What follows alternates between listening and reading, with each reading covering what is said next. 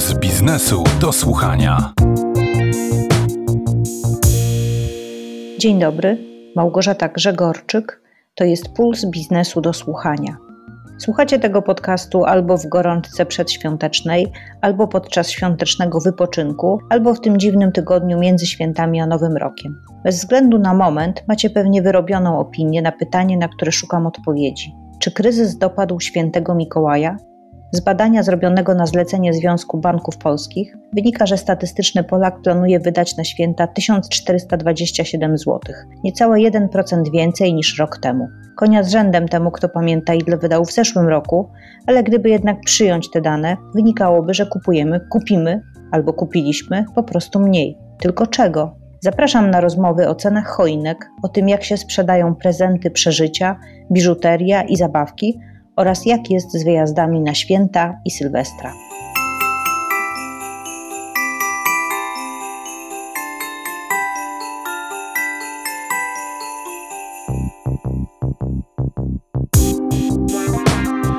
Puls biznesu do słuchania. Ma Bożego Narodzenia bez choinki, czyli świerku albo jodły. Sprawdzimy teraz, jak w tym roku idzie sprzedaż choinek, czy Polacy kupują mniejsze i tańsze drzewka, czy jednak tradycji stać się musi zadość. Naszym gościem będzie pan Marcin Kłopociński, prezes Polskiego Stowarzyszenia Plantatorów Choinek oraz właściciel plantacji Perfect Green. Zacznijmy od kilku słów o rynku. Ile Polacy kupują co roku żywych drzewek, ile w doniczkach, ile sztucznych.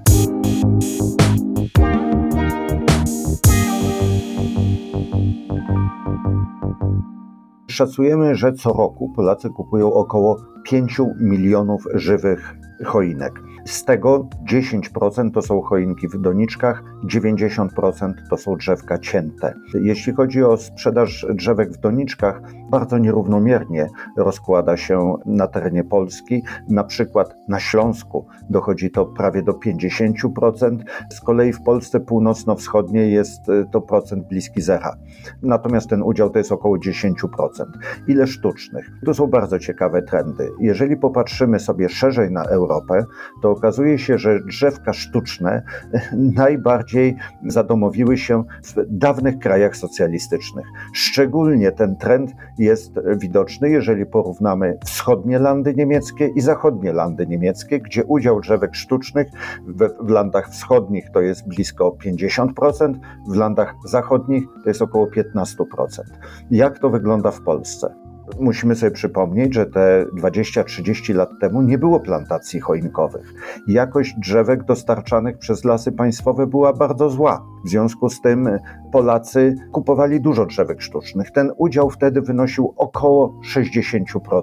Na dzień dzisiejszy ten udział się zmniejsza, co roku się zmniejsza. Najprawdopodobniej to jest około 40%, czyli 60% polskich gospodarstw domowych kupuje drzewka świeże. Myślałam, że jakby jesteśmy coraz bardziej ekologiczni, więc drzewka w doniczkach i drzewka sztuczne. Tak, zdecydowanie widać dwa trendy. Jeden trend i tu świadomość ekologiczna Polaków rośnie. Bardzo duży odsetek wchodząc na stoisko z choinkami pyta się, czy są drzewka w doniczce, czy te drzewka się przyjmą, ile kosztują i tak dalej. Także ta świadomość rzeczywiście jest duża. Natomiast no, jest pewna niedogodność związana z drzewkami w doniczce. Takie drzewko waży nierzadko 20-30 kg.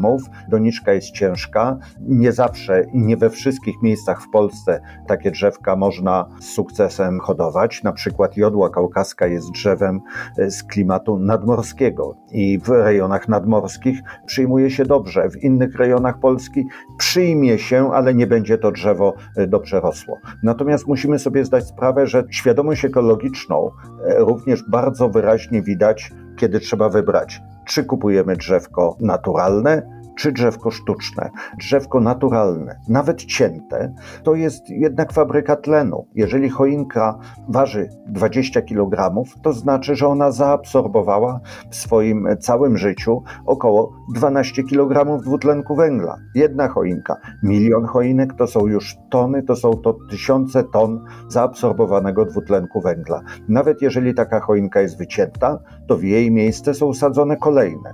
Czyli mamy tutaj do czynienia z fabryką fabryką tlenu i to na pewno jest ekologiczne. Drzewko sztuczne, wiadomo, importujemy plastik, ten plastik importujemy w dodatku na ogół z innych krajów, wzmacniamy inne gospodarki, a nie naszą, a u nas trafia to na śmietnik, nie bardzo wiadomo co z tym zrobić i jak sobie z tym poradzić. A powie Pan o cenach w tym roku, czy one poszły w górę? Mam na myśli i rynek hurtowy i detaliczny. Jeżeli mówimy o cenach choinek, to musimy tutaj pamiętać o tym, że cykl od posadzenia choinki do jej ścięcia to jest około 10 lat. Jeżeli dodamy jeszcze wcześniej cykl produkcji sadzonki, to kolejne 3 lata, to jest to kilkanaście lat.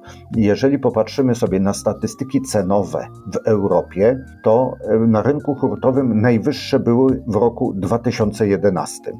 Od tego momentu ceny spadały. W 2011 roku jodła pierwszej klasy, 2,5 metrowa na rynku duńskim kosztowała 180 duńskich koron, to jest około 70 zł.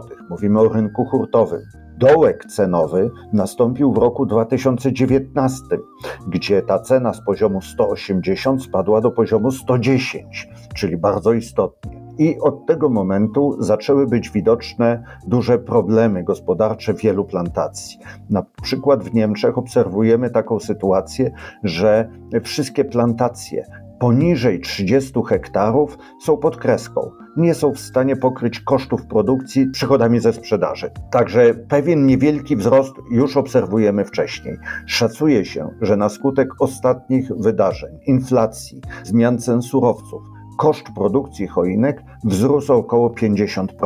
Natomiast ceny nawozów sztucznych wzrosły o 200%, ceny paliwa wzrosły o 50%, ceny materiałów opakowaniowych, palet y, drewnianych wzrosły o blisko 100%.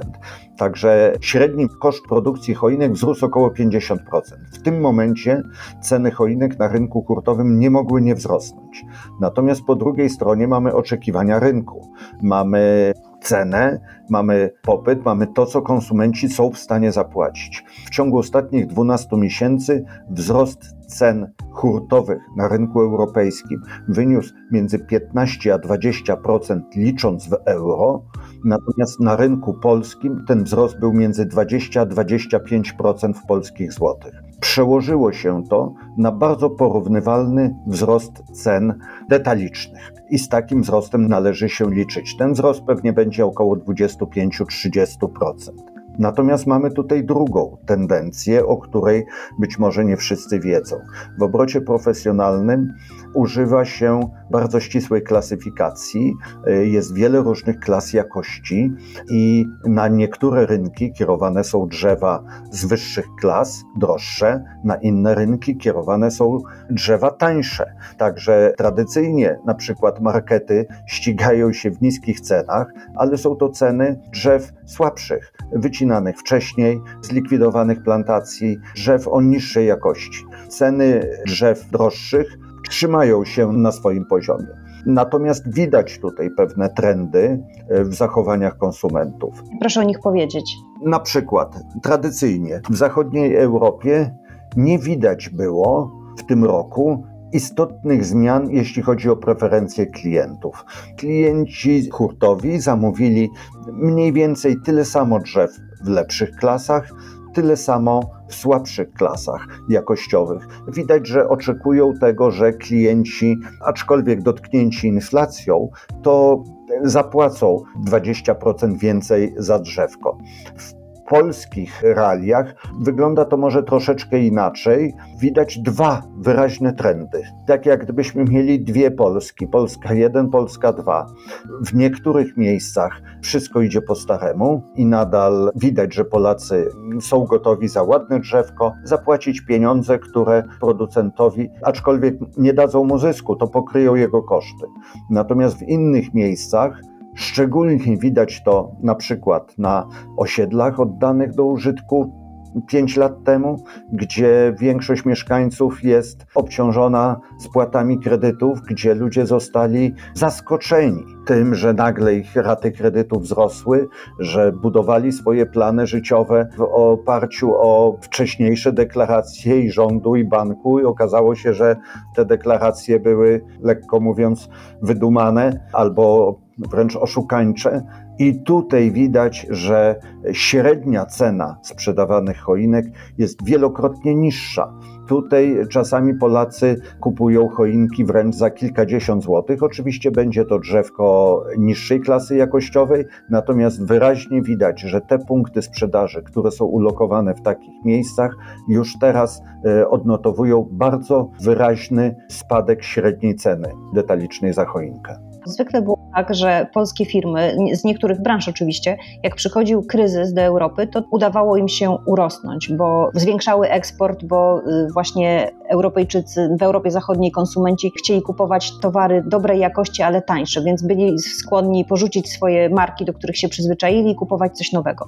Polskie firmy często zyskiwały na kryzysie. Czy tak może być i w tym roku w przypadku firm dostarczających drzewka? Tak, ale musimy pamiętać o tym, że mamy tutaj dwa czynniki. Po pierwsze, długi cykl produkcji drzewek, po drugie, kontraktacja, wczesna kontraktacja. Może to się wydać dziwne, ale na rynku hurtowym umowy na dostawy drzewek zawieramy już od czerwca.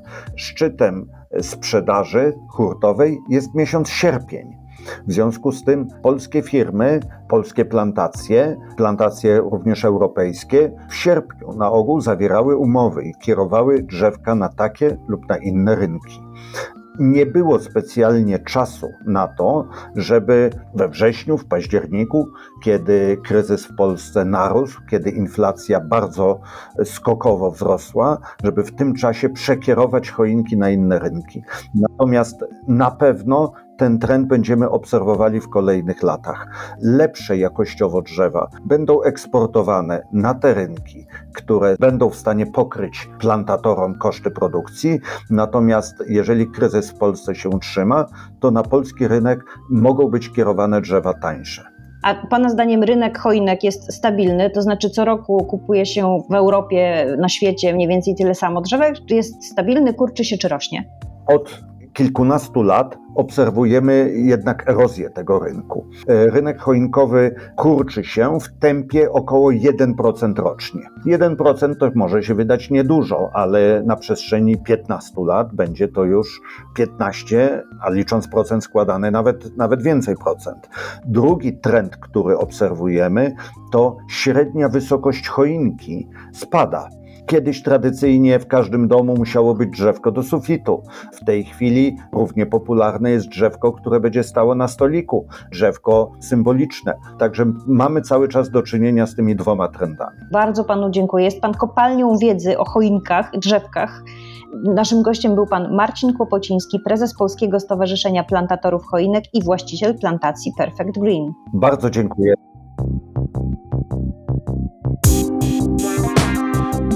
Puls biznesu do słuchania. Inflacja wysoka, zima trwa i nie wiadomo dokładnie ile więcej trzeba będzie zapłacić za prąd i ogrzewanie. Warunki do kupowania prezentów nie są sprzyjające. Jak w tym roku Polacy podchodzą do świąt?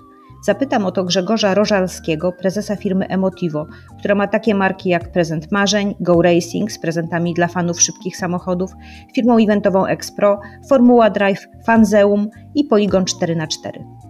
Czy Polacy oszczędzają w tym roku na prezentach?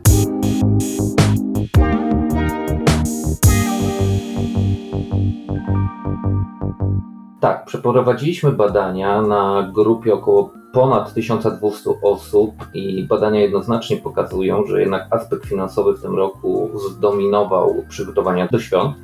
Ja może tutaj przy, przytoczę kilka odpowiedzi ludzi, którzy, które jakby definiują, co powoduje, że zmieniają się zwyczaje podczas świąt. 42% wśród naszych respondentów stwierdziło, że do tego przyczynia się sytuacja ekonomiczna. Co ciekawe, w tym roku dla ludzi największym obciążeniem budżetu jest jedzenie. No niestety inflacja była tutaj bezpośrednio i to jest dla nas poniekąd zaskoczenie, ponieważ w poprzednich latach raczej jedzenie było na którymś z kolejnych pozycji. Dzisiaj zdominowało i tak powiedziało 39% respondentów. 35% są to prezenty, ale jednym z ciekawych elementów, który po raz pierwszy pojawił się w naszej ankiecie, jest to, że 16% osób twierdzi, że dojazd do rodziny wygeneruje jedne z większych kosztów to jednak również rzutuje na styl spędzania tych świąt, ponieważ zauważamy, że te święta będą spędzane w coraz mniejszym gronie. Już, że tak powiem, wigilie w gronie całej rodziny i wyjazdy są tutaj mniejszością. Ludzie również na pytanie, jakie jest największe marzenie związane ze świętami, 31% stwierdziło, że jest to dobra atmosfera w rodzinie i czas spędzony bez kłótni. Natomiast 27% twierdzi, że możliwość przygotowania świąt bez ograniczeń budżetowych. I tutaj, jak widzimy, po raz kolejny przewija się ten aspekt finansowy, który jednak bezpośrednio dotyka w tym roku Polaków. Ludzie też twierdzą, że głównym elementem, który może popsuć święta, jest brak środków finansowych.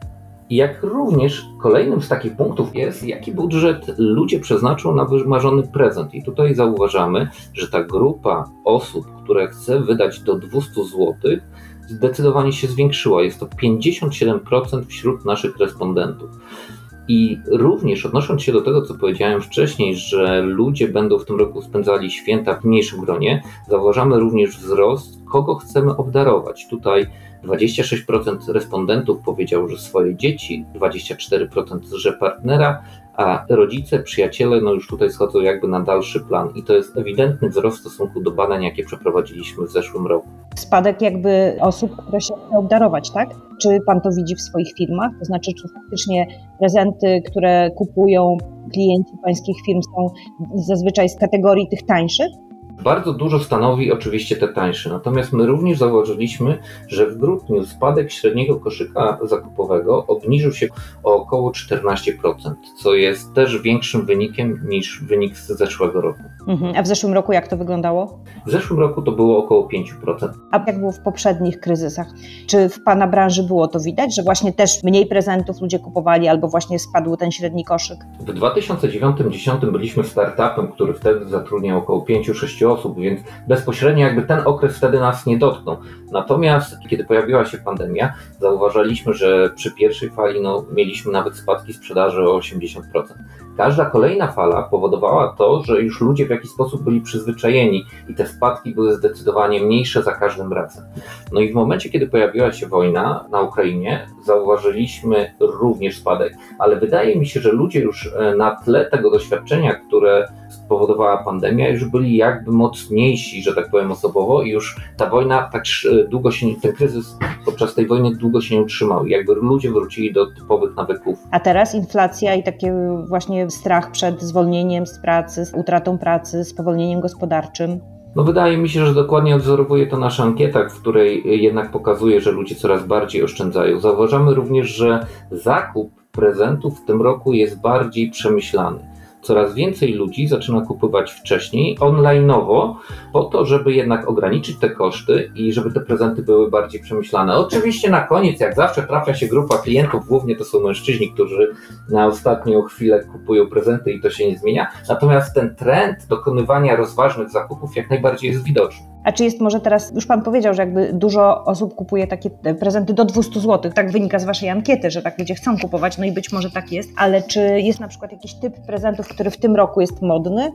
Tak, co roku widzę, że coraz więcej ludzi zaczyna kupować prezenty typu gift cardy, karty podarunkowe po to, żeby podarować komuś, kto będzie mógł sobie sam wybrać prezent. Jest to jakby ten kierunek po to, żeby nie było elementu nietrafionych prezentów pod choinkę. No powiemy zawsze, że taka sytuacja może jednak wpłynąć na emocje i nastroje podczas świąt. Natomiast też zauważamy, że jakby tradycyjne kupowanie prezentów troszkę się zmienia, ponieważ coraz więcej ludzi, tak jak już wspomniałem, kupuje online, coraz więcej stara się kupować prezenty w formie przeżyć. Vouchery i karty podarunkowe no, zaczynają coraz bardziej przodować, ale równocześnie zauważamy, że to tradycyjne kupowanie prezentów w sklepach, w galeriach handlowych z roku na rok spada. Macie takie stoiska w galeriach handlowych, prawda? Tak, mamy sieć sprzedaży, ponad 40 stoisk i no jest to dla nas również zauważalne w obszarze tej sprzedaży retailowej. A może Pan powiedzieć, ile stanowią takie stoiska? Retail stanowi około 1 trzeciej sprzedaży, sprzedaż online to 2 trzecie. No dobrze, to jeszcze chciałabym Pana poprosić, żeby Pan tak wybiegł w przyszłość marzeniami, a może ma Pan już pomysły na takie prezenty. Co my sobie będziemy dawać za 10 lat? To jest bardzo długi temat i trochę ciężki do przewidzenia, ponieważ jeżeli zostałbym o to zapytany przed tym kryzysem, który obecnie nastąpił, stwierdziłbym jednoznacznie, że bogacące się społeczeństwo coraz bardziej odchodzi od prezentów materialnych. Rzeczy, które dostajemy, które mamy, e, coraz mniej nas cieszą, a prezenty w formie przeżyć są tym elementem, który budują tak zwaną pamięć emocjonalną. I tutaj może podam taki przykład. Kiedy pytam się ludzi, co dostali pod choinkę, często zastanawiają się i starają sobie przypomnieć ponieważ prezenty materialne cieszą przez chwilę, a potem o nich zapominamy. Prezenty w formie przeżyć dają to, że dzięki pamięci emocjonalnej bardzo łatwo jest je sobie przywołać. Dlatego drugim pytaniem zawsze, które kieruję do ludzi, jaka jest wasza najlepsza wycieczka w życiu, momentalnie sobie przypominają, co było taką wycieczką i od razu jakby ta pamięć emocjonalna tutaj świetnie działa, i to wszystko jest na tapecie. Natomiast tutaj też może wspomnę o emocjach, które w obecnej dobie integrują ludzi ponieważ spotykamy się coraz młodszymi pokoleniami, pokoleniami, które wychowane były przed komputerami, są to pokolenia zamknięte w sobie i wspólne przeżywanie emocji jest zawsze taką podstawą do znalezienia jednego tematu. Ja wiem sam po sobie, jak w firmie naszej pojechaliśmy na skok ze spadochronem, wszyscy byli na początku przestraszeni, ale kiedy wykonaliśmy te skoki, wszyscy w euforii mówili tylko o tym. Stworzyliśmy pewnego rodzaju podstawę emocji do tego, żeby naszych pracowników ze sobą połączyć. I to jest świetny element do tego dla firm, szczególnie z branży IT, które pracują na tym, aby polepszyć stosunki między pracownikami. Wszyscy skoczyli? No, prawie wszyscy. Zdarzyły się wyjątki. Natomiast niesamowitym elementem było na koniec to, że wszyscy byli w takiej euforii, wszyscy opowiadali tylko o tym skoku, jak było, jak lecieli i tak dalej, jak wyskakiwali z samolotu. No to jakie jeszcze przeżycia nas czekają? No bo rozumiem, że będzie się rozwijał y, może taki rodzaj prezentów, które są związane z przeżyciami. A co może być takim prezentem przyszłości za 10 lat, czego dzisiaj nie ma jeszcze na przykład? Ciężko mi powiedzieć, bo ten rynek postępuje bardzo szybko. No, jednym z naszych projektów w tym roku było stworzenie marki Formuła Drive i pierwszy raz komercyjnie mogliśmy sprzedawać w naszym kraju jazdę Formułą jeden za kierownicą. I to był prezent, który do tej pory jeszcze nigdy w Polsce nie był dostępny. Wdrożyliśmy go po raz pierwszy, teraz będzie to cykl, co wakacje będziemy to powtarzać. Natomiast ciężko mi powiedzieć, ponieważ technika rozwija się bardzo szybko. Wirtualna rzeczywistość również. Nie wiemy, jaki to do końca będzie miało wpływ, ale myślę, że to zależy od tego, co uda nam się wymyślić. Ta Formuła 1 dla mnie na przykład to by nie był taki fantastyczny prezent i prawdę mówiąc myślałam, że pan powie, że jakiś lot w kosmos czy coś. Ta technologia na pewno się rozwija, więc mam nadzieję, że to będzie coraz bardziej dostępne. Natomiast jeszcze mogę zaznaczyć, że zauważamy taki element, że coraz bardziej e, popularne albo poszukiwane są takie wycieczki, których do tej pory nie było, na przykład, żeby pojechać i zobaczyć zorzę polarną, żeby pojechać do jakiegoś kraju, pochodzić po górach. Rzeczy, które nie były typowymi wycieczkami wakacyjnymi, są coraz bardziej poszukiwane przez Polaków. Rozmarzyłam się. Bardzo panu dziękuję za rozmowę. Naszym gościem był pan Grzegorz Rożalski, prezes firmy Emotivo, która ma kilka ciekawych marek, w tym Formuła Drive, Fanzeum czy Poligon 4x4 oraz prezent marzeń. Dziękuję za rozmowę. Dziękuję pani, dziękuję państwu.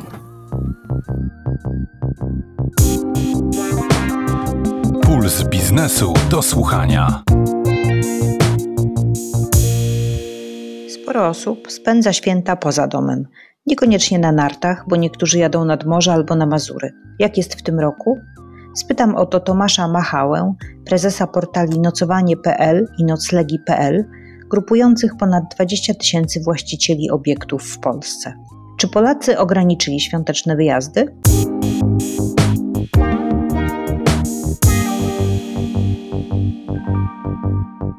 Tak, zdecydowanie. Tutaj podzieliłbym no, świąteczne wyjazdy na dwie części naturalne. No, po pierwsze to są rezerwacje na święta, po drugie to są rezerwacje na Sylwestra, Nowy Rok. Zacznę od tych świątecznych. Liczba rezerwacji na, na ten okres świąteczno-noworoczny łącznie spadła 10% względem 2021.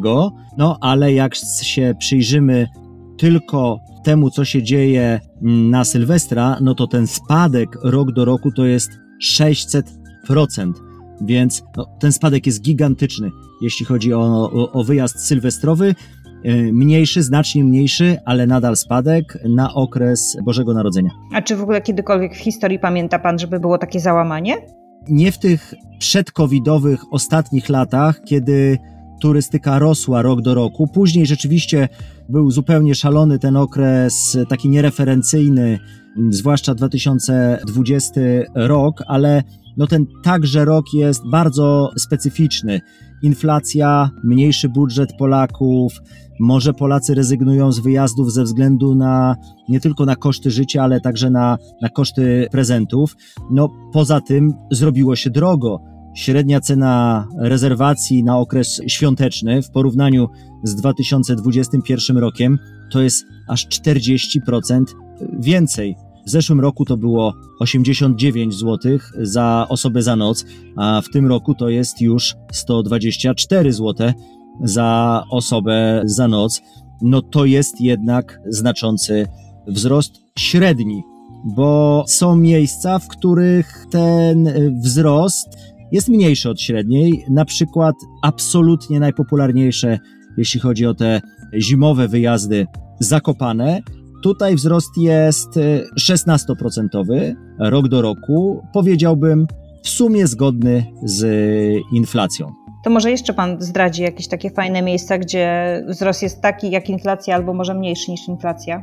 Oczywiście. W Gdańsku mam spadek to ciekawe, prawda? Rok temu 83 zł za noc, a w tym roku 69 zł y, za noc. Natomiast w Krakowie dokładnie odwrotnie. Tak jak w Gdańsku jest spadek o 15%, tak w Krakowie jest wzrost o 30%. Te miejscowości zresztą, najbardziej popularne na święta, no to jest po kolei Zakopane, absolutny numer jeden. Tam chce jechać nawet połowa którzy w tym okresie e, szukają wypoczynku. Później jest Gdańsk, Sopot, Kraków i Świnoujście. Ewidentnie coś Polaków ciągnie nad morze, lecz na krótsze wyjazdy, na dwu, trzydniowe, tak jak w górach jednocześnie one są 3-4 dniowe, więc w góry na nieco dłużej niż nad morze. Jeśli chodzi o Sylwestra, bo teraz skupiłem się na Bożym Narodzeniu, natomiast jeśli chodzi o Sylwestra, no to tutaj ewidentnie widać, że Polacy nie szykują się na wyjazd na Sylwestra w tym roku. Tak jak mówiłem, spadek liczby rezerwacji 600% i może to powoduje, że choć właściciele obiektów chcieliby podnieść ceny ze względu na wyższe koszty prowadzenia działalności gospodarczej, to nie bardzo mają przestrzeń, dlatego że jak nie ma popytu, no to trudno jest pracować podnosząc cenę. I w związku z tym średnia cena jest na niemal dokładnie takim samym poziomie jak rok temu. To jest tylko plus 5% do 2021, a więc ten wzrost jest dość symboliczny. Nic więc tak naprawdę nie stoi na przeszkodzie, aby relatywnie tanio wyjechać na Sylwestra, na te dwie, trzy noce. No bo w tej chwili jest taka średnia wyjazdowa.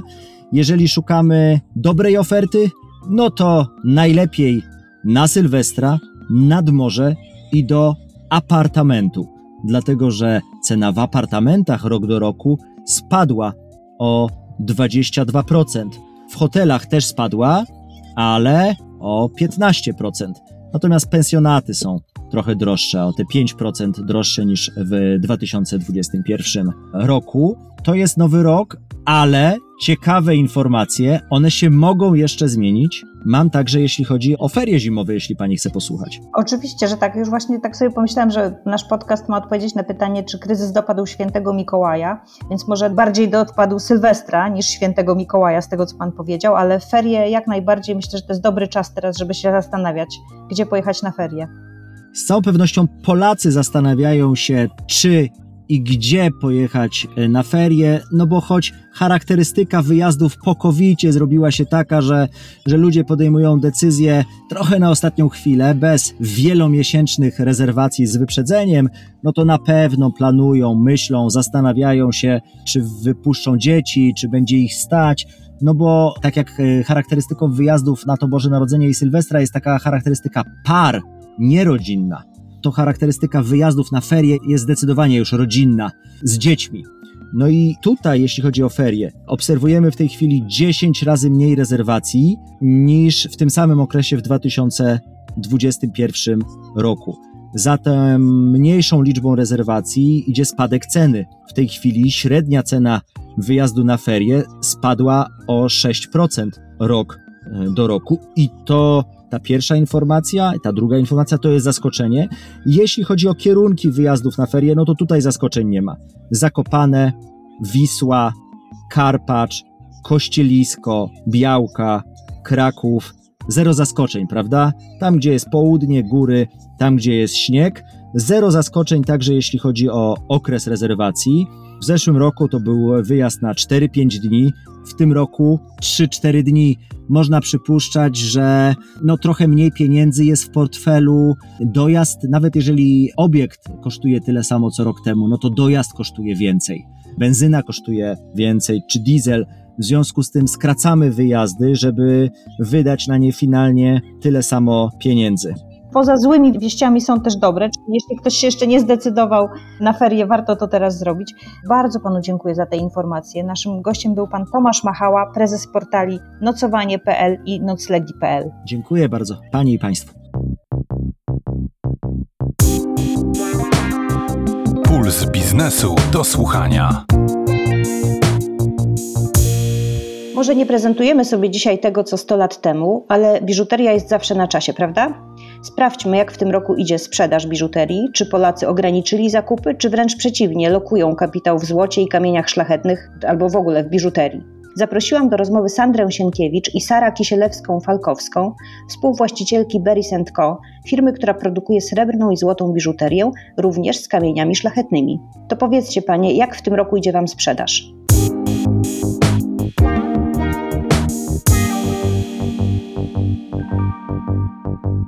Ten rok jest dla nas bardzo dobrym rokiem. Jesteśmy firmą, która jest już 6 lat na rynku, ale faktycznie w tym roku zbieramy plony naszej ciężkiej pracy, naszej uczciwej właściwie pracy poprzednich lat.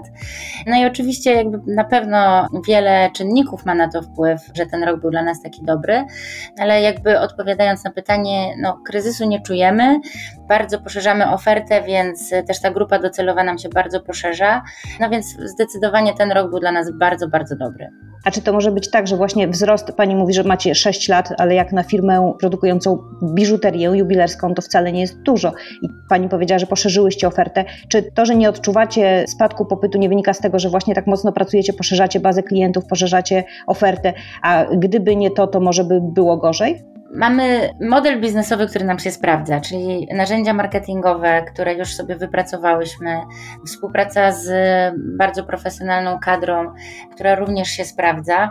No, poszerzenie tej oferty to jest też duża dywersyfikacja, czy też w ogóle optymalizacja produkcji, nad którą staramy się teraz pracować i to pozwala nam poszerzyć tę ofertę, wprowadzić więcej produktów, dotrzeć do szerszej grupy docelowej. Ja może dodam, że mamy też już taki ugruntowany wizerunek marki na rynku biżuteryjnym. Jesteśmy coraz bardziej rozpoznawalne w Polsce. Więc jak gdyby zanotowałyśmy w tym roku wzrost na poziomie 50-60% rok do roku, więc jest to naprawdę niezły wynik, jesteśmy z niego bardzo zadowolone, więc de facto 6 lat ciężkiej pracy zaczynamy właśnie widzieć e, jej efekty. Czyli jako współwłaścicielki firmy biżuteryjnej mówicie, że klienci na biżuterii nie oszczędzają, nie widać kryzysu? No właściwie możemy powiedzieć, że nie. Nie oszczędzają, że koszyki zakupowe są takie jak w poprzednich latach, ale jakby to, co ma wpływ na nasz wzrost, to jest poszerzenie tej grupy docelowej, czyli jakby nie jesteśmy w stanie stwierdzić, bo tak bardzo dużo nowych klientów przyszło, że właściwie nie wiemy, co działo się w poprzednich latach w ich przypadku. Jasne, a podniosłyście Panie w tym roku ceny? Tak, podniosłyśmy na początku roku. Jak gdyby no, wynikało to też z wzrostu cen surowców, zarówno srebra, złota, jak i kamieni szlachetnych więc byłyśmy zmuszone do podniesienia nieznacznie tych cen, ale staramy się, jeżeli wprowadzamy kolekcję, to staramy się utrzymywać e, jej jak gdyby ceny na tym samym poziomie przez cały czas, dopóki mamy tą kolekcję w ofercie. Staramy się manipulować marżą, żeby tych cen nie podnosić, no ale faktycznie ten rok był wyjątkowy, bardzo wiele marek podniosło ceny, no i przede wszystkim faktycznie wszyscy nasi dostawcy podnieśli ceny o 20-30%, więc jakby to jest tak znaczna podwyżka, że my też musiałyśmy na to zareagować. No to co robi firma, której przychody urosły o 50-60%? Przede wszystkim rozwija się dalej i planuje duży rozwój ale to jest też tak, że my te pieniądze i w ogóle jakby te wzrosty faktycznie przekładamy na współpracę z bardzo profesjonalną kadrą. Zatrudniamy coraz bardziej profesjonalne osoby, ekspertów. Również współpracujemy z najlepszymi fotografami, najlepszymi modelkami, również zagranicznymi. No i jakby to wszystko przynosi dalsze efekty i dalszy rozwój. Wiem też, że chcecie się podzielić trochę swoim sukcesem z innymi, takimi ludźmi, których nie stać na prezenty. Ten rok nas bardzo zainspirował do tego, żeby podzielić się tym dobrem. Tak to trochę komunikujemy właśnie na naszych social mediach. To był dobry rok dla Beris i tym dobrem chcemy się podzielić. Udało nam się skrzyknąć bardzo wiele wyjątkowych polskich marek, które dołączyły do akcji i chcemy zebrać jak najwięcej prezentów. My od siebie dajemy bardzo dużo, pewnie około 70-100 prezentów, pełnowartościowych prezentów, w których y, znajduje się właśnie biżuteria i chcemy przekazać to kobietom, które w tym roku nie miały tyle szczęścia co my, które miały trudny rok, które najprawdopodobniej nie będą mogły sobie pozwolić na żadne prezenty, zwłaszcza opiekując się swoimi pociechami. Dlatego właśnie nagłośniłyśmy to, zebrałyśmy zaprzyjaźnione marki, które do tej pory też pracowały z nami, współpracowały z nami w poprzednich latach przy naszym takim też znanym bardzo kalendarzu adwentowym. No ale w tym roku stwierdziliśmy, że po prostu organizujemy super akcję charytatywną, można powiedzieć, i będziemy rozdawać te prezenty ośrodkom potrzebującym, ale jest z nami naprawdę bardzo dużo świetnych marek. To się z każdą chwilą powiększa. Dzisiaj z rana o siódmej przeczytałam, że kolejne chyba 10 czy 15 marek się pojawiło. Dosłownie my też chcemy, my też chcemy, my też chcemy. Dostajemy takie wiadomości. Myślę, że teraz z tych marek mamy pewnie około 40 albo i nawet 50, ale też zachwycające jest to, jaka ilość paczek do nas idzie, bo myślę, że na ten moment mamy w granicach 500-700 prezentów, może nawet więcej, bo właściwie o wielu nie wiem. To się szybko zmienia, bardzo dynamicznie, ale myślę, że po prostu bardzo wiele kobiet obdarujemy świetnymi prezentami w tym roku. No i tak, i to jest jakby też takie pokłosie tego naszego fajnego roku. Super, że się tak potraficie dzielić. To jeszcze powiedzcie o waszej przyszłości, czyli jaki będzie najbliższy rok, co planujecie, bo powiedziały panie, że rozwój firmy oczywiście jest na pierwszym miejscu. To znaczy, ten rok był bardzo satysfakcjonujący dla nas, więc idąc za ciosem w przyszłym roku chcemy jakby poszerzyć naszą grupę odbiorców i planujemy wyjście za granicę, bo jak gdyby tutaj w Polsce już osiągnęliśmy taką liczbę odbiorców, że już teraz apetyt rośnie w miarę jedzenia, więc planujemy właśnie ekspansję zagraniczną. Nasz produkt jest bardzo dobry i jesteśmy jakościowo bardzo dobre, więc wydaje nam się, że będziemy konkurencyjni na tym zagranicznym rynku. W Polsce, co prawda, jesteśmy postrzegane jako marka luksusowa, Natomiast za granicą nasz produkt ze swoją jakością i ceną będzie podbijał po prostu mid market. Więc y, pracując również nad naszym wizerunkiem, który jest dobrze odbierany, Wydaje nam się, że tutaj jest bardzo duży potencjał za granicą. Tym bardziej, że w Polsce udało nam się już jak gdyby osiągnąć z naszym produktem, że nasz produkt nie jest już nice to have, tylko jest to produkt must have. Jak gdyby z tą ideą będziemy starały się podbijać e, rynki zagraniczne w przyszłym roku. Mamy już kilka podmiotów, z którymi będziemy współpracować, więc prace już są zaawansowane na tym etapie. To życzę powodzenia. Będziecie miały pewnie z tysiąc e, ambasadorek, no bo dzięki waszej akcji pewnie z tysiąc osób dostanie od Beris i partnerów Beris prezenty, więc niech wam się wiedzie i wszystkiego dobrego. Bardzo dziękuję za rozmowę. Moimi gośćmi były pani Sandra Sienkiewicz i Sara Kisielewska-Falkowska. Dziękuję za rozmowę. Dziękujemy bardzo. Bardzo dziękujemy.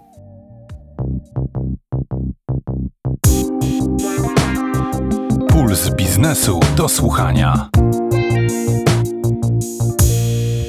Kiedy moje dzieci były młodsze, nie było świąt bez klocków. Starsza córka budowała statek piratów, młodsza wolała salon fryzjerski. Sprawdźmy, jak w tym roku mają się producenci zabawek. Moim gościem jest pan Robert Podleś, prezes KOBI, producenta klocków konstrukcyjnych. Czy udały się tegoroczne święta, czy może klienci przestraszyli się inflacji i mniej wydają na zabawki?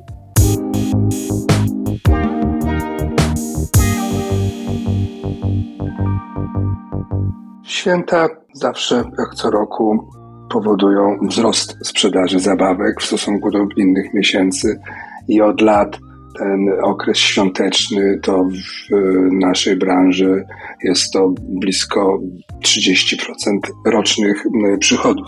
Natomiast w klockach jest to troszeczkę inaczej, bo klocki to nie są traktowane jako zabawki, stricte, ale są to też y, produkty, którymi bawią się dorośli, nastolatkowie, a nawet dziadkowie i ojcowie z dziećmi też się bawią. Więc jakby tutaj nie ma aż tak dużego nasilenia sprzedaży przed samą gwiazdką.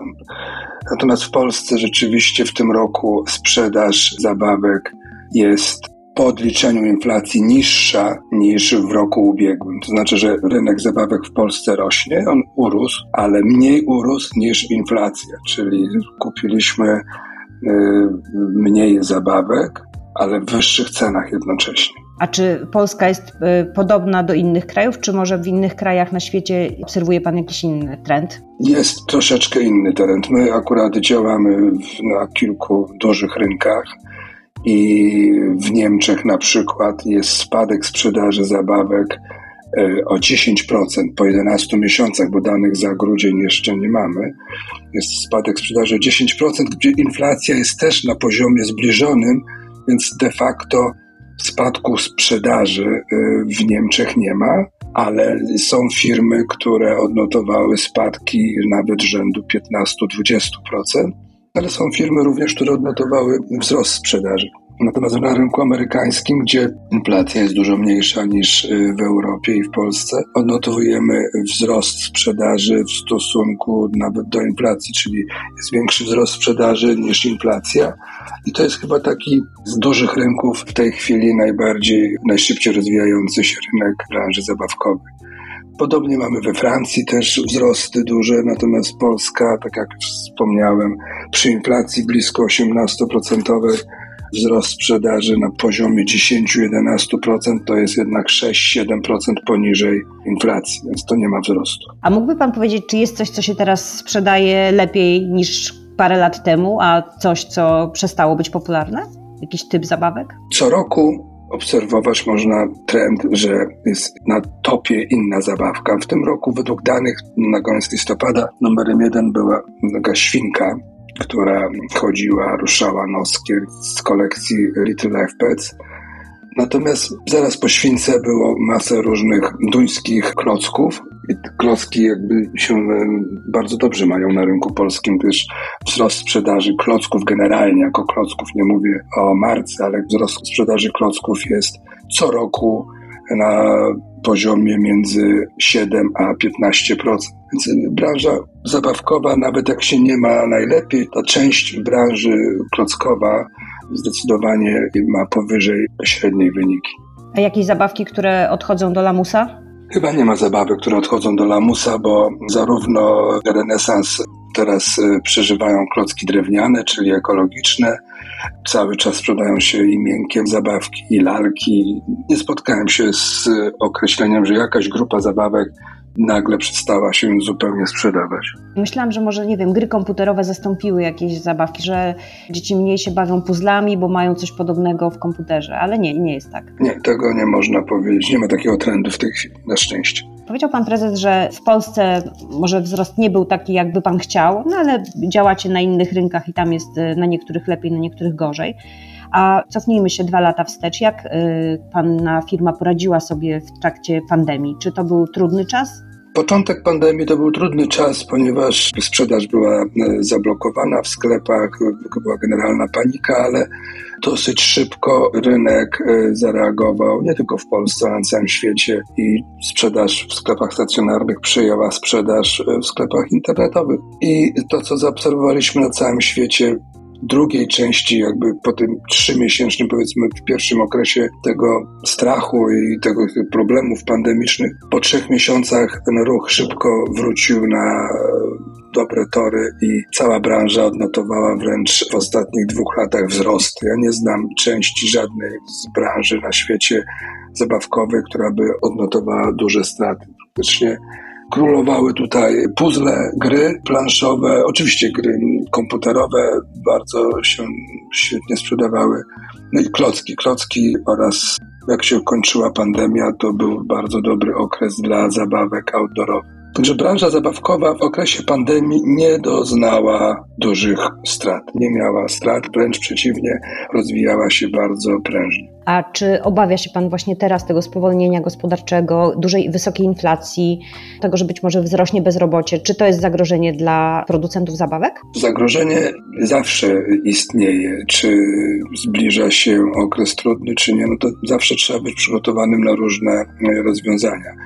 W Polsce moim zdaniem nie będzie e, bezrobocia, ponieważ jest z każdym miesiącem mniej rąk do pracy niż w miesiącu poprzednim. Nam ubywa rąk do pracy, a nie przybywa. Nawet jeśli kilkadziesiąt czy kilkaset tysięcy osób straci pracę w pierwszym kwartale, to nie będzie to miało bardzo dużego odbicia w produkcji, ponieważ my na przykład w tej chwili przestaliśmy zatrudniać nowych pracowników bo nie wiemy, jaki będzie pierwszy kwartał.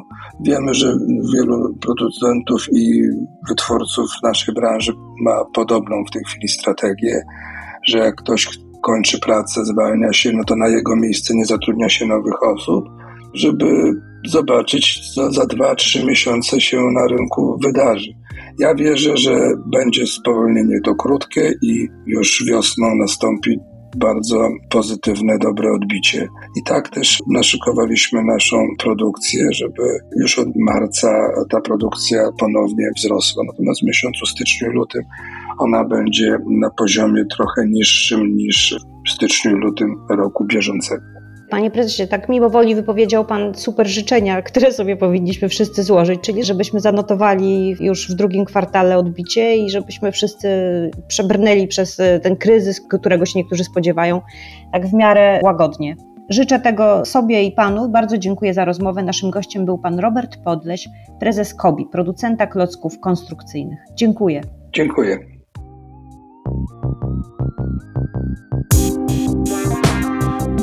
Puls biznesu do słuchania.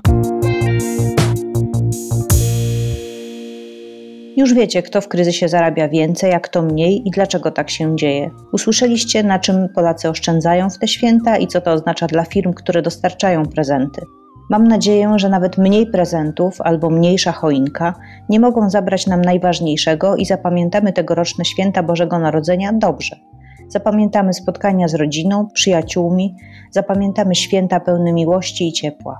A za tydzień zapraszam na nagranie, w którym gospodarze podcastów Pulsu Biznesu, czyli Ania Gołasa, Bartek Majer, Marcel Zatoński, Marcin Bołtryk, Grzegorz Nawacki podsumują mijający rok. Ja też tam będę. Dziękuję za dziś, do usłyszenia. Małgorzata Grzegorczyk.